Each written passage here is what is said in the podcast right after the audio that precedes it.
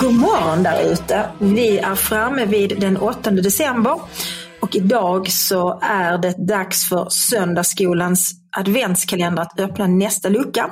Jag heter Ann Heberlein och det är Anna-Karin Wyndhams tur att öppna luckan. Vad ser du idag Anna-Karin? Ja du, det är en liten eller en ganska stor, mellanstor projektor skulle jag säga. Filmprojektor. Då kommer jag börjar tänka så här, hur stor är en projektor egentligen? Den är ju ganska stor. Min man brukar säga till mig så när jag börjar bråka med honom. Oj, oj, oj, nu går storprojektorn igång. Och med det jag, om jag säger så, du hatar mig. Så säger han att jag är en stor projektor. För han menar att jag projicerar det jag känner för honom på hans känslor Ah. på mig. Ja, precis. Så när du säger projektor så tänker jag mest på äktenskapliga gräl. Men Ja. vi kanske är på väg någon annanstans med denna projektor. Till exempel. Ja, jag tänker mig att det är mot en, en julfilm. För att Ooh. i den här perioden vi är nu så i alla fall, jag brukar se både en och två och tre julfilmer. Många av dem ser jag om årligen. Så att det finns liksom, precis som andra traditioner repeteras eh, kring julen så är detta med julfilm en sådan. Ja. Har du någon favoritjulfilm? Ja, alltså jag är inte så originell där. Dels är jag väldigt förtjust i Fanny Alexander som jag tror är en sån film som många förknippar och som också har fått stå modell för den svenska julen. Men sen är jag Ja. också väldigt förtjust i de här liksom, det finns ju en typisk svensk genre av julfilm som är lite mer åt det norenska hållet. Alltså som tar fasta på, inte det mysiga och gulliga och glittriga med julen som amerikansk julfilm ofta gör som, vad heter nu den här med Hugh Grant, den tycker jag är trevlig också. Den Love mysig. Actually. Love actually. Den ser jag gärna om. Men jag gillar de här liksom gifta par, en film som skiljer sig. Jag gillar Jaha, när det Tomten går åt helvete. Ja. Det är den svenska julfilmsgenren. Allting går åt helvete och det är så oerhört hög konfliktnivå. Och den här gifta par, en film som skiljer sig, den är ju hilarious. Det är ju två liksom medelklasspar som jag tror jobbar typ i media. Som hyr Ja, det är kulturmänniskor. Ja, just det. Ja, kultur. kulturmänniskor. Och det är äktenskapen knakar väl lite i fogarna och så. Och så hyr de en stuga i fjällen och det slutar med att alla brinner inne. Alltså det är ju fantastiskt. Ja, just det. Men det du, den, den, den genre eh, typ av julfilm du gillar, det är den socialrealistiska då så att säga. Det, ska bli, det blir konflikter och gräl och det blir att man driv, de driver ju också med sig själv på något sätt i de här Precis. filmerna Precis. eh, som du nämner. För det finns ju, jag tänker att man kan dela upp julfilmer i olika kategorier där det finns då dels de rena mysfilmerna som, Precis. som, eh, där man ska komma i stämning och tro på att människan är god och allt sånt där. Sen finns Ja. det katastroffilmer som tangerar det du nämner men som mer handlar om, alltså Die Hard-filmerna till exempel är ju katastroffilmer som råkar sp- utspela sig i juletid Precis. så att man får en kontrastverkan mellan Exakt. hotet och eh, julmyset eller helgen som man rör sig mot. Det är lite större katastrofer än i Tomten i far till alla barn. Alltså mer globala mått. Får man Ja, precis. Det är en skyskrapa som är i fara eller ett plan eller något är en liknande. skyskrapa, inte ett äktenskap. Nej, precis. Men sen finns ju också de rena julhatarfilmerna, tycker jag, som är Ja. mer, alltså Grinchen till Precis. exempel, som går ut på någon som är en ond, eh, en ond, ett ont väsen snarare, tar sig in och förstör julen. Eller Bad Santa, tänker lite som min före detta svärmor. Stal hon julen för dig? Hon kommer jag kritisera allt. Ingenting dög. Min- Mina mandelmusslor var inte tillräckligt bra och barnen hade fel kläder. Hon var så jävla gnällig. Hon tyckte aldrig om sina julklappar heller. Så jag brukar tänka på henne som julhatare, en demon som slog sig Ja. ner vid mitt julbord. Men jag förstår liksom genren och det, det är ju intressant också varför de här genrerna finns. Har vi fler genrer? Jag tror att du var på gång med fler, eller hur? Ja, jag, jag ser på en möjlig genre som en alltså, typ av försoningsfilm. Som, Ah. där julens budskap eh, används i en större berättelse Mm. om människan. Och en av mina favoritjulfilmer heter Livet är underbart. Som, och den Ja. är eh, från 1946 eh, med James Stewart Mm. i huvudrollen. Och den utspelar sig på julafton, eller den tar sin utgångspunkt i julafton och då en man eh, som är djupt deprimerad och missmodig inför livet har bestämt sig för att begå självmord. Därför att han har, menar han då, offrat så mycket för alla andra utan att få få någonting själv. Mm. Och med hjälp av en julängel så tas han med i en resa där han då eh, får se på en serie alternativa scenarier. Det här är ju väldigt likt Dickens En julsaga. Precis, bara det känns, det liksom, ja, precis. Ja, men eh, vad han kommer till insikt om är då att även om han har försakat en massa så har han haft skil eh, gjort skillnad. Han har mm. haft betydelse för andra människors liv och det ja. har också en mening. Och då försonas han med det han själv så att säga avstod, men mm. det han också kontra det han gjorde för andra. Och i slutändan av denna julafton så finner han någon slags då fördragsamhet med det som livet blev mm. och att det ändå finns någonting att glädjas i. Mm. Eh, glädjas åt i livet även om man inte vann högsta vinsten, även om man inte blev rik, även om man inte liksom, eh, gjorde den framgång man hade tänkt sig. Och det där tycker jag är en sån det är en sån vacker berättelse och där julens liksom ramen, där julen ger ramen till denna och förhöjer berättelsen ytterligare en nivå. Mm. Ja, man kan, det här är en film vars budskap är mer kompatibelt med, med julen och den stämning som vi vill ska omgärda julen än till exempel eh, den här gifta paren film som skiljer sig, eller hur? Ja, ja precis. Och, eh, men jag, jag kan tycka att Love actually som du nämnde som en av dina favoriter, mm. den har ett litet stråk av just detta att där det är, det är inte bara lyckliga berättelser i den. Men, men där julen... Så, ja precis, det är rätt så trasiga ja, människor på olika sätt ändå som inte är helt nöjda med sina livssituationer. Nej, de är ensamma eller ja. de har varit med om en förlust eller någon har varit otrogen eller något liknande och eh, allt detta eh, förs i ett skeende fram mot julafton där de trots allt försonas med den situation mm. de lever i mm. och den ja, det livet har gett dem. Och mm. det tycker jag är, liksom en, det är en sån vacker rörelse i en film när man kan, för det, det ger verkligen den som ser någonting, alltså jag får någonting ut av det också känner jag. Ja men det tänker jag också, för menar, det stämmer ju ändå till eftertanke i någon mening att faktiskt fundera över vad i ens liv som man har att vara tacksam över. Snarare mm. än, alltså julen blir ju också väldigt mycket prestation på något sätt. Att det ska pyntas och städas och fejas och bakas och fixas och trixas och så vidare. Men mm. det är ju egentligen inte, nu låter jag som en här liksom, artikel i kvällspressen, kvinna-bilagan, så good enough. Annars inte jag så mycket för good enough. Men, men jag Nej. tänker att, att, det viktiga budskapet är ju faktiskt just det här med försoning och också gemenskap. Och det ligger ju i detta.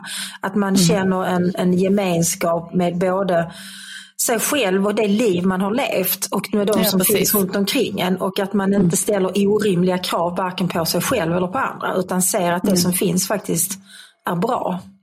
Ja, precis. Jag, jag, jag, tänker, jag, jag för in en, en annan film här som jag tycker stämmer väl med det du just beskrev, fast ur ett barnperspektiv. Och det är mm. den här underbara Polarexpressen. Ja, den är fin. Den tycker jag mycket om också. Ja, därför att den handlar ju om eh, en pojke som har förlorat tron. Mm. I, i, I berättelsen gestaltad som eh, tron på tomten då. Mm. Men det är ju tro i en liksom vidare bemärkelse egentligen, att ha hopp. Så, så läser jag den filmen i alla fall. Mm. Och den är, det, är en, det är en vacker berättelse om just det där, precis som du nämner, att man får man får kanske inte allt, men man får något litet och att mm. kunna se att också i det lilla finns skäl nog att faktiskt fortsätta tro och hoppas mm. och försöka göra skillnad. Ja, så den tycker jag man ska se om man inte har gjort det redan. Det tycker jag också. Jag tycker man ska ta till sig det här också, alltså vikten av att tro och hoppas. Jag mm. tror att, att förmågan att föreställa sig ett, eh, någonting bortom nuet är väldigt avgörande för hur man hanterar svåra situationer i sitt liv också. Det finns en mm. del psykologisk forskning kring det. Eh, jag har tänkt det själv när jag har varit i situationer i mitt liv som inte har varit så roliga. Men att då ha förmågan att föreställa sig att smärtan efter den här skilsmässan eh, eller vad det nu kan vara, den här förlusten, den, den kommer att klinga av. Det finns mm. någonting bortom det här. Och så länge man kan ha det hoppet. Det är det som är det svåraste när man är deprimerad. Att deprimerade människor förlorar sitt hopp. Då är det väldigt svårt att, att, att, hänga fast så att säga. Så det är ju i, liksom, i sin enkelhet är ju detta ett oerhört viktigt budskap att faktiskt klamra sig fast i den tron eller att inte överge tron på att det, det finns någonting bortom.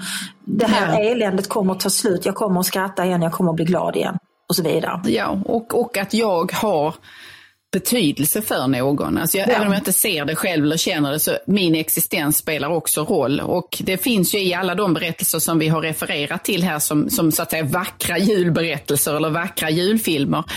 Att man får ur detta kommer också en känsla av att jag har betydelse. Mm. Jag har betydelse för någon och det, eh, det är en ganska god känsla att få just i juletid när man mm. sliter så hårt med en massa. Jag kommer ihåg också att den stora betydelsen är inte vad du liksom ger bort i julklapp och hur många kakor. Det är faktiskt att du är där och att du ger ja. din tid. Men du, ska vi säga någonting också om det här knepiga som vi har i Sverige, att vi ska se vissa bestämda, det är inte en film, men det är en typ av film, att vi ska se en viss sak klockan tre på julafton.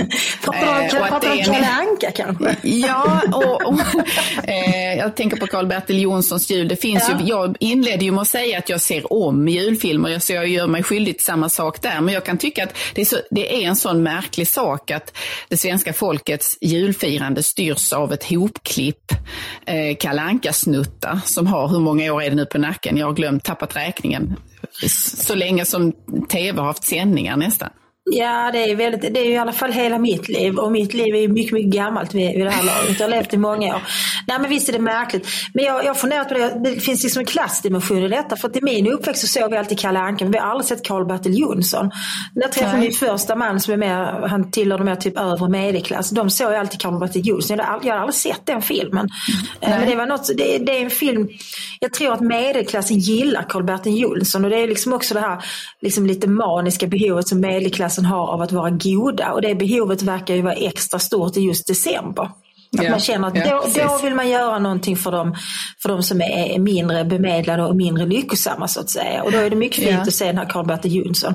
Medan eh, Men... i arbetarklassen så tyckte vi det var roligare med den här Pippin som sprang kring en djungel och slog ihjäl små djur. Ja, men, det, men jag tänker att det, jag håller med om det du säger där om vem, vilken grupp eh, de här olika programmen tillfredsställer. Men det är ju mm. samt i det är det också intressant att fundera på vad är det som gör att det just i det, detta året eller det året som just passerat, att man då tar Karl-Bertil Jonssons saga, julsaga och gör om den till en spelfilm eller spelar den som en teaterföreställning. Därför att det. det. är ju alltså en, det är alltså en kort novell författad av Tage Danielsson mm som man då sen eh, har, och det är en 20 minuters tecknad film som man töjer ut, tänjer ut så att den ska bli en hel spelfilm eller en, en hel eh, helaftonskväll på teatern. Mm. Och det är ju någonting där att man försöker hitta kärnan i den här berättelsen som, som liksom ska dras ut och njutas längre för att vi då kanske känner oss lite extra goda när vi har sett den. Jag vet inte.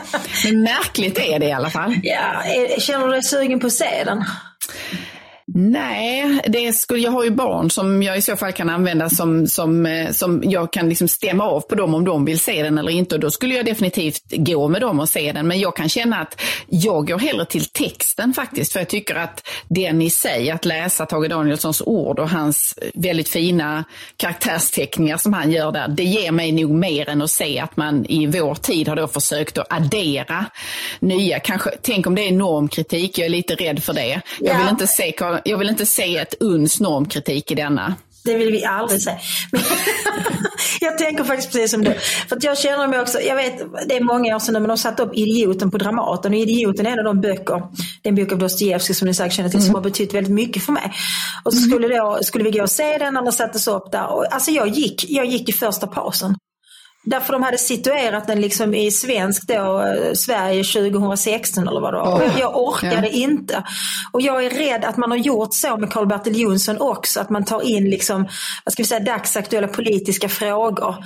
Eh, och att Karl-Bertil Jonsson kanske liksom är medlem i Miljöpartiet eller någonting. Då känner jag bara så, nej, on mish. Jag vill inte vara med om det. Så eh, vår rekommendation här inför dagen är att ni känner att ni vill komma i julstämning. Så om det är Karl-Bertil Jonsson ni trånar efter, läs gärna texten. Annars ja. tycker jag Polarexpressen, Love actually eh, och även den filmen som du nämnde i inledningen. Livet är underbart. Ja, ja precis. precis. Livet är underbart. Den ska ni se och visa den gärna för era barn. Ge inte bara barnen någonting lättsmält eh, där det är mycket snabba bilder och liknande, utan de kan också se de filmer vi har nämnt här faktiskt och eh, få lite större bildningskapital. För det är väldigt bra att ha sen när man växer upp. Det vet både du och jag, Ann, eller hur? Det är vi... av vikt när man ska hålla stilen och det ska vi göra även denna dag i december. Ja. Vi hörs ja. imorgon igen hörni. Ha det bra! Hej då! Om ni inte kan få nog av oss och våra ljuva skånska stämmor så gå in och stötta oss på patreon.com sundagskolan.se så kan vi spela in ännu mer och ännu bättre program. Och vi kan hitta på en massa roliga saker och berätta om allt i detalj för er. Så stötta oss, Ann och mig. På Patreon. Följ oss på Instagram och Facebook. Dåliga vibrationer är att skära av sig tummen i köket. Ja! Bra vibrationer är ett och en tumme till och kan scrolla vidare. Alla abonnemang för 20 kronor i månaden i fyra månader. Vimla! Mobiloperatören med bra vibrationer.